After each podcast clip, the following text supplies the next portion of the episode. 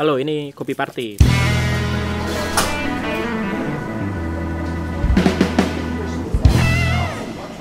Asik. Asik. Gimana, Mi? Kabar? Gimana nih? Sehat? Kabarnya? Iya. Alhamdulillah sehat. Mantap. Iya. Keluar-keluar apa Anda gimana? bagaimana? Oh, saya sehat. Um, Mungkin dalam dua hari sekali saya pasti ada keluar lip. Ngapain? Ke Indomaret? misalnya Enggak sih, biasa ke kontrakan Bayu main gitu. Bosan ya? Ke coffee shop sekali. Ah, lumayan, lumayan. Lumayan. Gak banyak yang bisa dikerjain. Gak tahu kurang muter otak aja kali ya. Eh, mungkin sih. Saya juga sebenarnya bingung sih di sini gitu, di rumah doang gitu. Terus kadang kayak sakau pengen americano gitu bingung kan. Aduh, bener, bener, bener. Beneran, sumpah tuh. ya. Iya, aduh Sekarang ini, jarang yang surfing di gelas. Ah, ini gimana nih? Aduh. Ngeliat ngeliat online rata-rata kan kopi susu literan. Terus ya udahlah, akhirnya sering mesen online cold brew di kopi kalian sekarang. Hmm, kopi kalian tuh kalau gue cakep ya packagingnya yang kaleng-kaleng itu kan Iya, ya. kaleng. Hah, kayak gitu. ya. Mau main ke coffee shop juga di sini PSBB kan. Terus kayaknya Mhm. Nggak memungkinkan juga. Jadi tiap hari di rumah kayak Ya, aduh ngapain nih coba pikir plan kerjaan ke depan cari peluang-peluang kira-kira abis ini bisa ngapain aja ya gitu gitu eh, tapi kan udah mulai ini kan, udah mulai dibolehkan untuk bekerja kan. boleh Orang sih tua umur 45 tahun. iya Hmm. dibolehin ha. tapi tetap aja masih waspada kan Ha. Ya. Kalau di Jogja sendiri coffee shop udah bikin buka kalau kamu Coffee main shop, ah, mulai kayaknya Mulai- kayak mulai di, banyak ya. di minggu ini itu udah mulai ada beberapa yang buka hmm. tipis-tipis lah ya. Jadi mereka tetap buka dengan apa namanya uh, lebih uh, secure aja ya. Kayak misalnya kan ini kalau kata efek rumah kaca normal yang baru ya. normal yang baru Jadi cakep Iya, ya, jadi mungkin nanti kita akan akan mengalami uh, habit yang berbeda aja gitu kan. Ketika ke coffee shop yang biasanya main nyelonong, nggak cuci tangan misalnya kan besok mungkin ada cuci tangan. Terus coffee shop juga udah mulai aware sama sabun yang di wastafel yang biasanya suka habis. nggak habis ya, iya. Jam operasional juga mulai pada diperhatiin sih kayaknya jarang yang larut tutupnya. Gitu-gitu sih iya lebih lebih mereka ak- akhirnya pada lebih aware terhadap uh, higienis dan segala macam. Ah, ya kan kalau mi- kalau misalnya lokasi tempatmu sekarang roasterinya udah mulai jalan belum sih? Oh ya, mau ngasih tahu juga nih, si Hilmi sekarang ada roastery namanya TBH ya, to be honest ya. Ya, ya, ya. Doakan ya teman-teman. Baru mau buka tapi udah kena pandemi ya, sudah sempat sih sebenarnya, sudah sempat rilis produk. Cuman memang secara produksi masih belum di rumah nih. Ah, masih ne- nebeng ya. Sempat rilis produk. Ya, terus sekarang uh, ada pandemi. uh, kebetulan sebenarnya TBH fokusnya ke bisnis to bisnis, bisnis yang nggak jalan, ya akhirnya TBH belum bisa running lagi gitu. Ya moga-moga cepet bisa running lagi deh. Ya kan? ya, ya. tapi emang kita tetap mesti mikirin sih kayak ah, nggak bisa berhenti di sini nggak bisa nunggu. Kita harus memulai sesuatu memang walaupun dengan konsep dan skema yang baru. Jemput bola itu juga ya. jualannya apa jemput bola juga. Bahkan shifting customer juga yang tadinya TBH bisnis bisnis akhirnya rilis produk untuk home doers gitu yang ah, paket-paket kecil gitu akhirnya. Mau Tapi- nggak mau Tapi kalau kalau kalau misal saya pikir-pikir juga kayaknya em, gara-gara pandemi ini buat orang-orang yang ya bisa dibilang udah kebiasaan setiap hari minum kopi terus dia nggak minum jadi sakau Hmm. gitu em, ini bakal ningkatin ningkatin kayak homebrewers baru di banyak rumah gitu kayaknya. Iya sih bisa bisa. Benar-benar ya kan? Jadi kayak mungkin uh, yang tadinya dia terbiasa hanya mengkonsumsi kopi yang udah jadi di kopi shop ya, Hmm. terus sekarang orang ditawarin untuk uh, bisa bikin kopi sendiri di rumah. Kayaknya pada banyak yang eksperimen gitu loh. iya ha. Jadi kayak mungkin akhirnya pada ngulik sendiri, walaupun mungkin jarang yang manual brewing tetap yang berbasis espresso dengan susu tapi Iya. itu kayak malah jadi uh, kebiasaan yang unik juga sih Iya, benar. Buktinya tiba-tiba ada dalgona ya. Anjir. Lu bikin gak? Apa? Udah gak anda dalgona? sempet buat ya kan. Yang pertama gagal, terus yang kedua lumayan lah. Tapi tangannya pegel banget kan itu. Tapi Eh, Bukan. Ya. bukan bukan tipe kopi yang saya sukai gitu. Ah, ya, ya, ya. Iya. Itu Terlalu manis ya. Dia gulanya banyak banget. banyak banget gulanya itu. Hah. Mm. Aku ya belum ngeliat background background ini, background tempatmu sekarang kayak wah ini kalau main sebenarnya asik belum jadi jadi main kan ke tempatmu dari zaman dulu itu. Ya Nah, kan? gitulah. Lumayan ya gimana ca- ya, caranya biar bisa tetap produktif tapi dikerjain aja di rumah lip Nah iya benar. gitu ya, ya, ya. Iya. tinggal sambil kerja Ah, konsepnya sih kayak gitu doang ta- tapi ini Mi, tempatmu kan agak-agak Hmm. agak-agak nyempil-nyempil di di daerah Maguwo Harjo Sleman atas gitu kan, ya kan? ya ya ya Itu sebenarnya kalau buat roastery sebenarnya nggak apa-apa ya, nggak ada pengaruhnya ya. Buat Hmm, ya, jadi uh, kalau kita ngomongin secara lokasi ya, Hmm. kita kan dari dulu tuh sering banget tuh denger kayak kalau bisnis harus cari lokasi yang strategis gitu gak sih? Yes, benar. Karena Nah, um, kalau kalau yang itu aku dengar sendiri waktu ada ada Nino Fernandez yang punya uh, di bawah tangga coffee shop yang franchise-nya main banyak di Jakarta. Dia bilang itu paling penting tuh lokasi. Kalau misalnya kita dapat lokasi strategis, bisa jadi balik modalnya lebih cepat, keuntungannya juga makin oke. Itu kalau misalnya di Jakarta. Tapi kalau misalnya kita ngomongin di Jogja yang mana sebenarnya di komplek ada terus di kampung juga bisa ada coffee shop itu semua terpatahkan begitu saja gitu bahkan tempat kamu kerja zaman dulu take off pun di komplek ya kan Uh, sebenarnya gini, Lip, kita itu perlu menyepakati soal term strategi lokasi yang strategis itu kayak gimana. Nah, Hmm. saya itu udah bagi ke dalam empat, Lip. asik ini ini canggih bener nih yang ya, yang lokasi pertama itu klasifikasinya adalah dia secara area dia strategis. Let's say ketika kita ngomongin Jogja dia di area ring di Tugu lah ya, di Kota Baru, di eh, Malioboro, ya kan? hmm. Nah itu secara Ah. area dia strategis.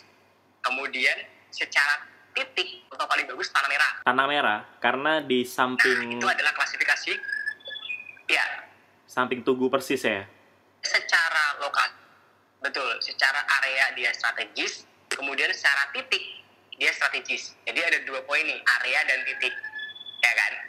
Karena areanya dia di di lokasi di Jogja yang sangat strategis dengan tugu. Ah, terus habis itu di titiknya dia di pinggir jalan kan? Jadi ah, orang bisa lihat di situ. Nah yang didapat dari lokasi dan titik yang strategis itu adalah exposure. Nah benar. Jadi tinggi, lalu lalangnya tinggi, eh, persentase orang untuk kan itu itu kenapa penting memang lokasi yang strategik gitu. Nah itu kalau dari klasifikasi pertama. Kalau dari klasifikasi kedua itu secara area dia strategis, tapi secara titik dia tidak terlalu strategis. Contohnya kalau di Jogja kayak Teko, ya Teko tuh sebenarnya areanya dia strategis tuh di Sagan, Kota Ah, Baru kan, kota dekat baru orang semua tahu area situ. Cuman titiknya aja nggak strategis karena bukan di pinggir jalan besar. di komplek Di komplek dia ya ada mobil papasan juga Susah. minder, ya kan. Ah, Iya, nah itu juga bisa di titiknya tidak strategis. Keunggulannya apa di situ? Sedikit bahkan nggak ada, tapi dia eh, secara aksesibel gampang orang tuh masih masih gampang untuk ke situ karena dia lokal areanya strategis. Gimana coba diulangin yang take off? Kayak gitu. tadi agak ngelek dikit. Ah, yang take off? Oh iya, ini sih sinyal saya kayaknya bakal sering ngelag nanti. Ah, Ah, kalau take off jadi secara area dia strategis tapi secara titik dia tidak terlalu strategis. Hmm. nah, nah, itu biasanya efeknya langsungnya dia nggak dapet tapi dia secara akses itu masih sangat aksesibel jadi sangat mudah untuk diakses di klasifikasi kedua ini itu dia sewanya nggak terlalu mahal dia Ah, lebih keunggulannya itu ya. ya beda sama yang Yang pertama, uh, klasifikasi pertama tadi itu pasti kayak udah edan-edanan banget harga sewanya bener sih. jadi paling tidak orang yang punya kapital yang sangat besar yang bisa ngambil si lokasi yang strategis ini kan gitu Hmm. Terus yang ketiga, Nah, habis itu yang ketiga itu secara area dia tidak strategis, tapi secara titik dia strategis. secara area nggak strategis tapi secara titik strategis. Nah, ke titik dia strategis. Jadi secara area mungkin dia di daerah jalan Pandega atas gitu misalnya. Hmm. Tapi secara titik dia ada di jalan utamanya gitu. Let's say Epic. Epic ya Nah, boleh. itu Nah, klasifikasi ketiga. Ya, dia secara area dia tidak strategis sebenarnya, cuman titiknya dia ada di jalan yang besar. Jadi uh, persentase untuk dilihat untuk dapat exposure lumayan. iya. ah. Nah, itu juga bisa dilakukan. Terus uh, yang keempat itu udah lokasi areanya tidak strategis, titiknya juga nggak strategis. Contoh di Jogja adalah filosofi kopi. Ya nggak? Itu Iya. udah areanya di mana di Pandega atas, habis itu orang harus lewatin sawah dulu, harus bunuh-bunuh naga dulu, baru nyampe tempatnya. Saking nggak ya. Tapi itu juga bisa dipakai gitu loh. Di samping kuburan pula ya. Iya, disebutkan pula. Jadi memang soal lokasi ini lagi-lagi eh, penting, tapi juga harus diikuti dengan sumber daya yang lain. Gitu sih sebenarnya. Kalau di Jogja, sumber daya yang lain itu maksudmu sumber daya yang kayak apaan gitu? Nah, jadi let's say gini, kita ambil yang klasifikasi keempat. Hmm. Udah lokasi nggak strategis, titiknya juga nggak strategis. Berarti kita perlu apa? Perlu adanya konsep yang sangat matang. Lalu perlu adanya exposure yang dilakukan bukan dari uh, lokasi tapi dari sosial media, dari digital, ya kan? Yes. Nah itu sebenarnya yang bikin pergeserannya dari dulu kenapa kita pikir bisnis harus di tempat yang strategis sementara sekarang tidak itu karena uh, zamannya kan beda nih kita sekarang udah digital banget orang itu bisa dapat exposure hanya dari sosial media gitu. bisa viral bisa uh, orang bisa ngelihat dari situ akhirnya orang datang nah itu berarti kan kamu perlu punya variabel konsep habis itu perlu memikirkan bagaimana branding, bagaimana marketing digitalnya. Habis itu yang terakhir adalah experience. Jadi coffee shop yang di klasifikasi keempat itu harus punya uh, experience yang sifatnya rekreasional. Jadi kayak orang tuh kayak liburan gitu loh, Dip. tahu nggak? Oh iya. Ha, kayak misalnya kita Ah, kita um, ambil contoh yang tadi Philcop tiba-tiba um, betul. uh, tiba-tiba ada lelayu atau ada orang meninggal lewat di depan Philcopnya itu kan sebenarnya experience yang nggak bakal didapat di coffee shop lain gitu kan ya. mungkin ya ya kan atau kalau pas zaman dulu pas awal-awal di 2014 atau 15 ya Mas Pepeng itu klinik di tempat lamanya 18 akhir. ya itu mungkin experience yang baru ketika kita di dikasih tahu oh begini gini gini itu experience kan yang diambil dari mereka kan Betul, betul. Ya, ya, ya. Ya. Nah, jadi emang lokasi itu penting, tapi kamu juga bisa ngambil uh, opsi yang paling jauh kayak klasifikasi keempat, tapi kamu harus punya sumber daya yang kuat. Jadi nggak Hmm. semerta-merta kamu udah udah konsep yang nggak kuat, tapi kamu ngambil segmentasi yang klasifikasi keempat yaitu abang, nggak dapet apa-apa. iya ini kalau misalnya ngomongin soal Iya. tempat lagi em, mall Oke. menurutmu masuk klasifikasi yang kayak gimana kalau misalnya buka di mall gitu Oh, kalau mallnya sendiri itu hampir selalu di klasifikasi pertama dia. oh gitu deh. Ah. Atau minimal diklasifikasi ke tiga malah. Jadi mungkin dia di apa namanya di satu sub distrik tapi dia ada di titik yang paling strategis kan gitu. Di Iya. alun-alunnya misalnya ya. Lalu kalau mall kayaknya selalu exposure selalu di titik yang bergampang untuk di exposure. Nah sementara kalau buka coffee shop di dalam mall ya tergantung konsep gitu. Mungkin konsep-konsep coffee to go konsep-konsep yang cepat konsep-konsep dengan menu yang gampang diminum. Kalau di Jogja masih menu-menu dengan jenis manis itu lebih mudah untuk bisa diterima pasar daripada konsep yang uh, manual brewing gitu ya. Iya. Yang orang belum banyak kenal gitu. Ya. Lagi-lagi itu disesuaikan sih. Disesuaikan juga ya. disesuaikan. Iya. Tapi kalau misalnya ngomongin kayak gitu berarti em, ketika sekarang eh, lokasi udah udah nggak begitu ya ibaratkan di mana aja bisa berarti Ya, kita ya. ngencengin di sosial media kan ya berarti industri 4.0 4.0 yang digalakan pemerintah bisa jadi makin cepat karena pandemi ini kali ya aduh saya kayaknya nggak bisa jawab Pengetahuan saya soal itu Ya. iya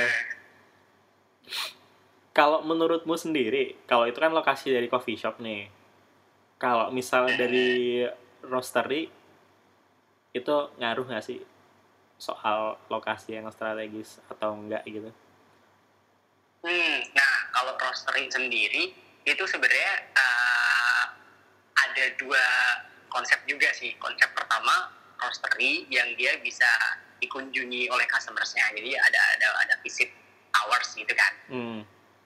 Atau memang dia roastery yang fungsinya hanya untuk produce untuk memproduksi beans kayak workshopnya doang. Sehingga dia sebenarnya tidak terlalu membutuhkan lokasi yang gampang diakses oleh orang karena yang penting produknya itu nyampe ke customer kan gitu.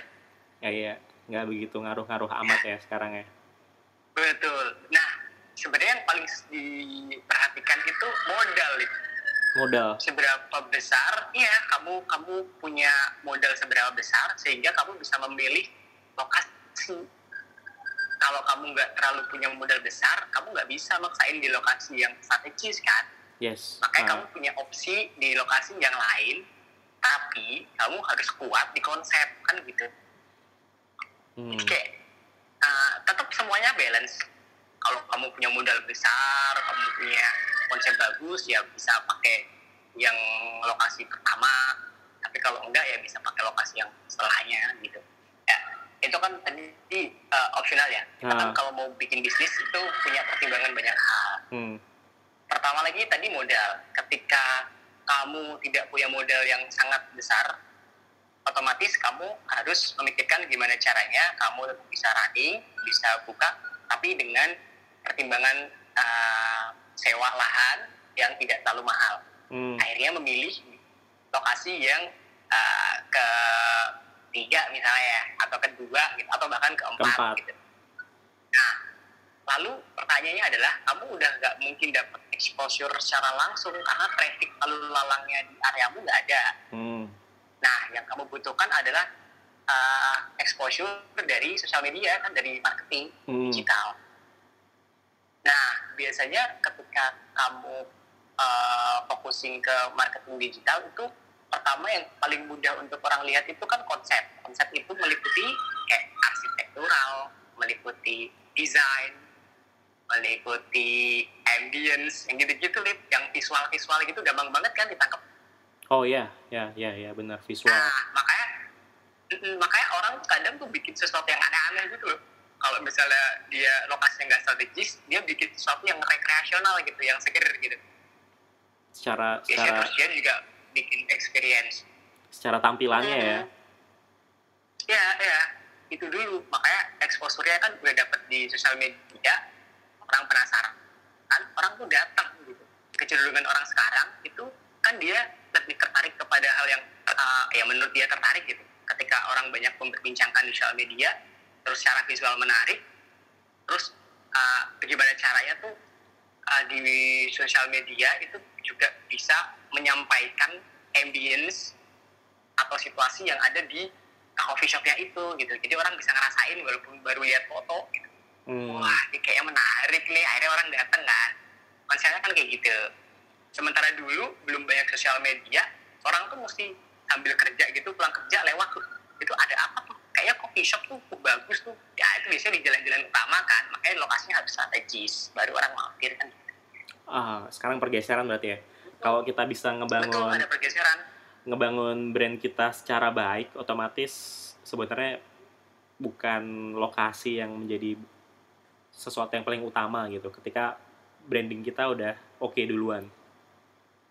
ya ya benar-benar saya rasa kayak gitu sih Karena tetap bakal didatengin banyak orang juga gitu. Kayak di Jogja iya. banyak banget yang Lalu- kayak gitu ya.